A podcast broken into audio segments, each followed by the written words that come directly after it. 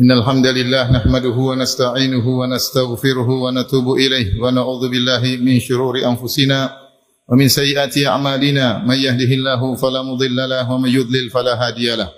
أشهد أن لا إله إلا الله وحده لا شريك له وأشهد أن محمدا عبده ورسوله لا نبي بعده. يا أيها الذين آمنوا اتقوا الله حق تقاته ولا تموتن إلا وأنتم مسلمون.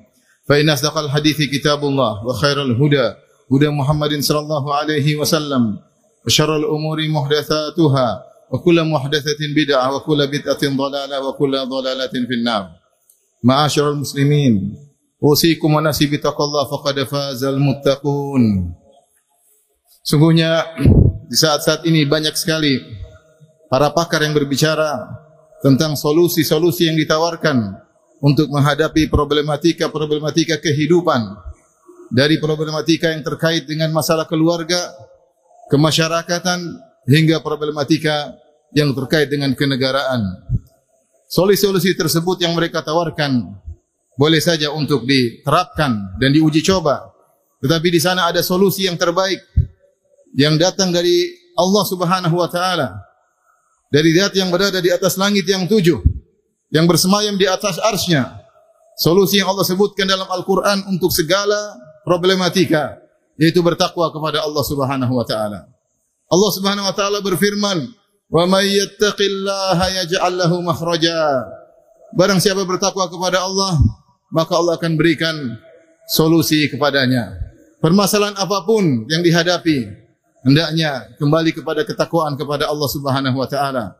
Allah telah janjikan untuk memberikan solusi. Dan Allah berikan rizki dari arah yang tidak sangka-sangka. Wa may yattaqillaha yaj'al lahu makhraja.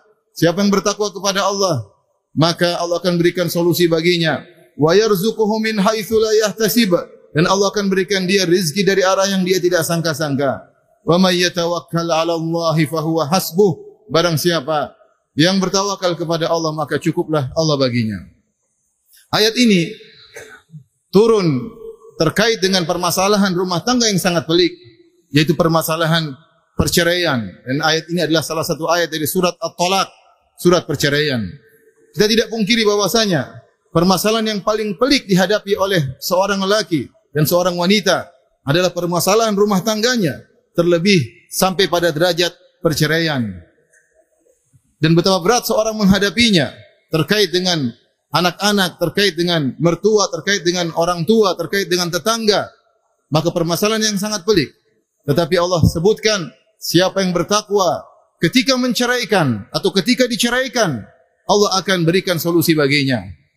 Allah berfirman, "Ya ayuhan nabi, idza talaqtu idza talaqtumun nisaa fatalliquhunna li'iddatihinna wa ahsul 'iddah wattaqullaha rabbakum لا تخرجوهن من بيوتهن ولا يخرجن إلا أن يأتينا بفاحشة مبينة وتلك حدود الله ومن يتعد حدود الله فقد ظلم نفسه Wahai Nabi, yaitu wahai orang yang beriman, jika kalian menceraikan istri-istri kalian, maka ceraikanlah pada at ikut aturannya.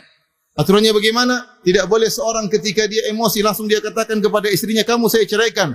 Tapi ada aturan yang disebut dengan tolak sunnah dia harus menunggu istrinya dalam kondisi suci, belum dia gauli, baru dia boleh jatuhkan cerai dengan talak satu. Dia harus menunggu istrinya dalam kondisi suci, tidak dia tidak dia gauli, baru kemudian dijatuhkan talak satu. Betapa banyak kaum muslimin tidak mengerti akan hukum ini. Tidak mengerti tentang tata tata aturan perceraian. Kemudian dia ceraikan istrinya kapan saja dia emosi. Istrinya sedang haid, istrinya sudah dia jimai, kemudian jatuhkan cerai, dia telah melanggar aturan Allah Subhanahu wa taala. Demikian juga di antara aturan cerai, kalau sudah menceraikan istri tidak boleh diusir dari rumah. Biar dia tinggal di rumahnya. Kata Allah, la tukhrijuhunna min buyutihinna. Jangan kalian mengusir istri-istri kalian yang sudah diceraikan dari rumah mereka. Kemudian juga para wanita tidak boleh keluar dari rumah mereka. Wala yakhrujna dan juga mereka yang diceraikan tidak boleh keluar dari rumah. Lihatlah aturan yang dilanggar oleh kaum muslimin dan kaum muslimat. Betapa banyak wanita belum diceraikan sudah kabur dari rumahnya. Apalagi sudah diceraikan. Allah mengatakan, "Wattaqullaha rabbakum." Bertakwalah kepada Allah dalam menceraikan dan tatkala diceraikan. Kata Allah, "Wa tilka hududullah." Itulah batasan-batasan Allah. "Wa man yata'adda hududallahi faqad dzalama nafsah." Siapa yang melanggar batasan-batasan Allah, maka dia telah mendolimi dirinya sendiri. Sehingga banyak kasus perceraian, tidak ada solusi bagi mereka. Tidak ada solusi bagi sang lelaki. Dan tidak ada solusi bagi sang wanita. Anak-anak terbengkalai, rumah tangga hancur, broken home, kerusakan ekonomi, terjerumus dalam persinahan, terjerumus dalam perselingkuhan. Semuanya karena tidak bertakwa ketika menjalani hukum Allah Subhanahu wa taala. Ini masalah rumah tangga. Demikian juga masalah kemasyarakatan. Hendaknya dihadapi dengan ketakwaan. Bahkan permasalahan negara hendaknya ditakwa dijalani dengan ketakwaan, dihadapi dengan ketakwaan.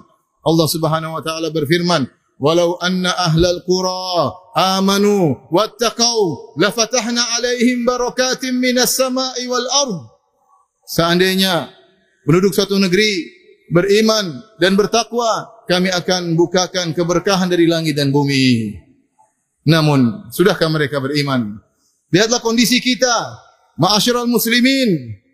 Kita berbicara tentang kaum muslimin dan kaum muslimat. Betapa banyak dari kaum muslimin yang terjerumus dalam praktek riba.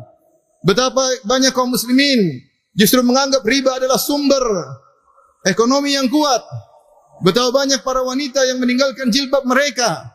Betapa banyak wanita yang mengumbar aurat mereka di jalan-jalan. Bahkan wanita-wanita yang berjilbab, terkadang sebagian mereka hilang rasa malu dari diri mereka. Berjoget-joget di TikTok, menampakkan menampakkan lekukan aurat mereka, tidak punya malu. Bahkan sebagian lelaki tidak punya rasa cemburu, biarkan istrinya dinikmati oleh pandangan-pandangan lelaki. Dia bangga ketika istrinya bisa membuat ngiler para lelaki-lelaki yang lain. Attaqullah, bertakwalah kepada Allah Subhanahu wa taala. Kita berbicara tentang serata pemerintahan. Betapa banyak instansi yang berlaku riswah, riba, berlaku korupsi. Terkadang seorang ingin menjalankan urusan pemerintahan, tidak bisa dia jalankan kecuali harus membayar, menyogok dan suatu hal yang biasa. Bahkan jika ada pegawai yang jujur dan bertakwa kepada Allah, maka disingkirkan, dilengserkan, dimandulkan kreasinya Kenapa? Karena dia jujur kepada Allah. Dia ingin mencari rezeki yang halal. Dia tidak ingin dirinya masuk neraka, tidak ingin anaknya masuk neraka. Tetapi dia terjebak dengan sistem yang ada. Allahul musta'an. Ma'asyiral muslimin. Marilah kita masing-masing introspeksi diri. Kembalilah untuk bertakwa kepada Allah Subhanahu wa taala. Jauhilah dosa-dosa sejauh-jauhnya, baik dosa-dosa besar maupun dosa-dosa kecil. Tahukah Anda apa itu takwa? Takwa dalam bahasa Arab artinya adalah wiqayah, yaitu penghalang. Kata para ulama, anta ja'ala bainaka wa baina adzaballahi wiqayah. Yaitu engkau menjadikan penghalang antara dirimu dengan neraka jahanam. Jaga dirimu jangan sampai terjerumus dalam neraka jahanam. Caranya bagaimana? Dengan meninggalkan seluruh kemaksiatan sebisa mungkin. Seorang penyair berkata, "Khallid dhunuba saghiraha wa kabiraha dzaka tuqa wasna kamashin fawqa ardi syauqi yahdharu ma yara la tahqiranna saghiratan innal jibala minal hasa." Tinggalkanlah dosa-dosa yang besar maupun yang kecil. Jadilah engkau seperti orang yang berjalan di atas jalan yang penuh dengan duri. Dia berhati-hati, jangan sampai keinjak duri. Duri besar maupun duri, duri yang kecil. Kemudian jangan remehkan dosa-dosa kecil. Ketahuilah bahwasanya gunung itu tersusun dari kerikil-kerikil yang kecil. Aqulu qawli hadza astaghfirullah li wa muslimin min kulli dhanbin wa khati'ah fastaghfiruhu innahu rahim.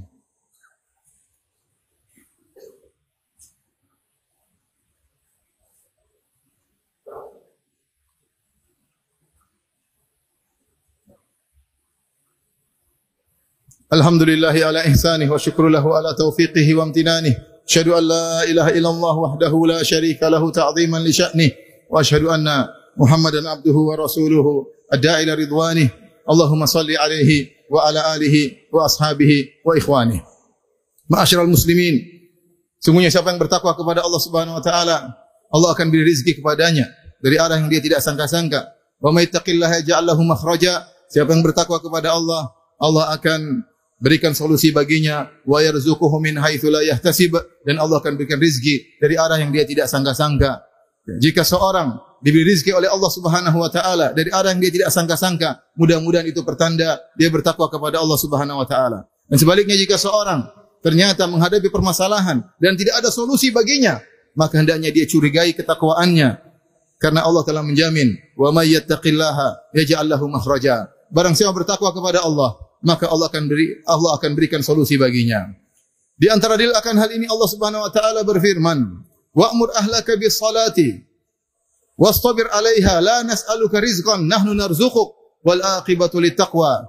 Perintahkanlah keluargamu yaitu anak istrimu untuk salat dan bersabarlah dalam salat. Bersabar dalam salat, bersabar menyuruh mereka untuk salat. La nas'aluka rizqan. Kami tidak minta rizki kepadamu. Itu jangan sampai kau sibuk mencari rizki sehingga kau lupa menasihati istrimu yang tiap hari main TikTok dan kau lupa nasihati anak-anakmu yang tiap hari melihat hal-hal yang haram di medsos. Kau tidak nasihati mereka untuk salat. La nas'aluka rizqan nahnu narzukuk. Kami yang beri rizki kepada kalian. Kata Ibnu Katsir rahimahullahu taala, siapa yang bertakwa dengan salat maka Allah akan berikan rizki kepadanya. Bahkan Allah Subhanahu wa taala berfirman tentang para jin. Kata Allah Subhanahu wa taala, "Wa allaw istaqamu 'ala tariqati la asqainahum ma'an ghadaqa." Seandainya para jin tersebut mereka lurus di atas jalan yang Allah di, di atas jalan Allah Subhanahu wa taala, maka kami akan berikan pada mereka rizki yang berlimpah. Bahkan ahlul kitab, kalau mereka beriman, Allah akan beri rizki kepada mereka. Kata Allah Subhanahu wa taala, "Walau anna ahlal kitabi amanu wattaqau adkhalnahum jannatin na'im walau annahum aqamu at-taurata wal injil wa ma unzila ilaihim la akalu min fawqihim wa min tahti arjulihim." Sungguhnya ahlul kitab kalau mereka beriman dan bertakwa maka kami akan hapuskan dosa-dosa mereka dan kami akan masukkan mereka ke dalam surga. Seandainya mereka menegakkan Taurat dan Injil dan apa yang diturunkan kepada mereka dijalankan dengan benar, maka la akalu min fawqihim wa min tahti arjulihim. Maka mereka akan makan dari rezeki dari atas mereka dan dari bawah kaki-kaki mereka. Lihatlah Allah menjanjikan siapa yang menegakkan hukum-hukum Allah Jangankan kaum muslimin bahkan ahlul kitab kalau mereka menjalankan hukum-hukum Taurat dan Injil dengan cara yang benar, maka Allah akan bukakan rizki pada mereka. Maka sungguh menyedihkan kita dapati sebagian kaum muslimin yang meyakini bahwasanya solusi terhadap masyarakat adalah dengan meninggalkan Al-Qur'anul Karim. Kita sedih mendapati sebagian kaum muslimin yang justru meyakini bahwasanya solusi kepada masyarakat dengan memerangi hukum-hukum Allah Subhanahu wa taala. Mereka ridha dengan hukum-hukum yang mereka buat lantas mereka memerangi hukum-hukum Allah Subhanahu wa taala. Sebagian mereka menyangka bahwasanya rizki diperoleh dengan membuka pabrik-pabrik bir. Mereka tidak tahu bahwasanya Allah akan menurunkan hukuman kepada mereka dan bahwasanya penyakit-penyakit sosial akan muncul setelah itu. Rusak-rusaknya anak-anak muda. Rumah tangga menjadi hancur.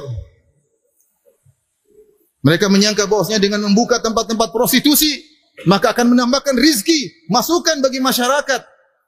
Ternyata memang ada pemasukan, tapi setelah itu kehancuran rumah tangga, anak-anak jadi rusak, narkoba tersebar di mana-mana. Mereka mencari solusi bukan dengan ketakwaan, tapi mereka mencari solusi dengan maksiat kepada Allah Subhanahu wa taala wal billah. Wahai kaum muslimin, kembalilah kepada Allah Subhanahu wa taala. Solusi yang Anda cari dengan maksiat bukan solusi. Malah akan membawa kebinasaan di dunia dan juga ketika sakaratul maut dan ketika dalam alam barzah. Bukan solusi yang Anda dapatkan, tapi kehancuran, siksaan yang akan Anda dapatkan.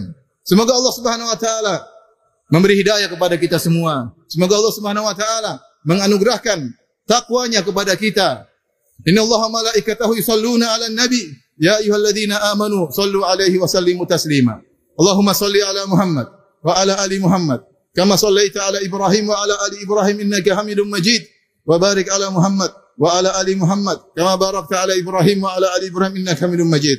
اللهم اغفر للمسلمين والمسلمات والمؤمنين والمؤمنات. الأحياء منهم والأموات. إنك سميع قريب مجيب دعوات. ويقاضي الحاجات. اللهم آت نفوسنا تقواها وزكها أنت خير من زكاها. أنت ولي ومولاها. اللهم إنا نسألك الهدى والتقى والعفاف والغنى. اللهم إنا نسألك الهدى والتقى والعفاف والغنى. اللهم اجعلنا من المتقين. اللهم اجعلنا من المتقين. اللهم آمنا في أوطاننا. اللهم آمنا في أوطاننا. وأصلح أئمتنا وولاة أمورنا. اللهم اجعل هذا البلد آمنا مطمئنا سخاء رخاء. وسائر بلاد المسلمين. ربنا ظلمنا أنفسنا وإن لم تغفر لنا وترحمنا لنكونن من الخاسرين. ربنا آتنا في الدنيا حسنة وفي الآخرة حسنة وقنا عذاب النار. وأقيموا الصلاة.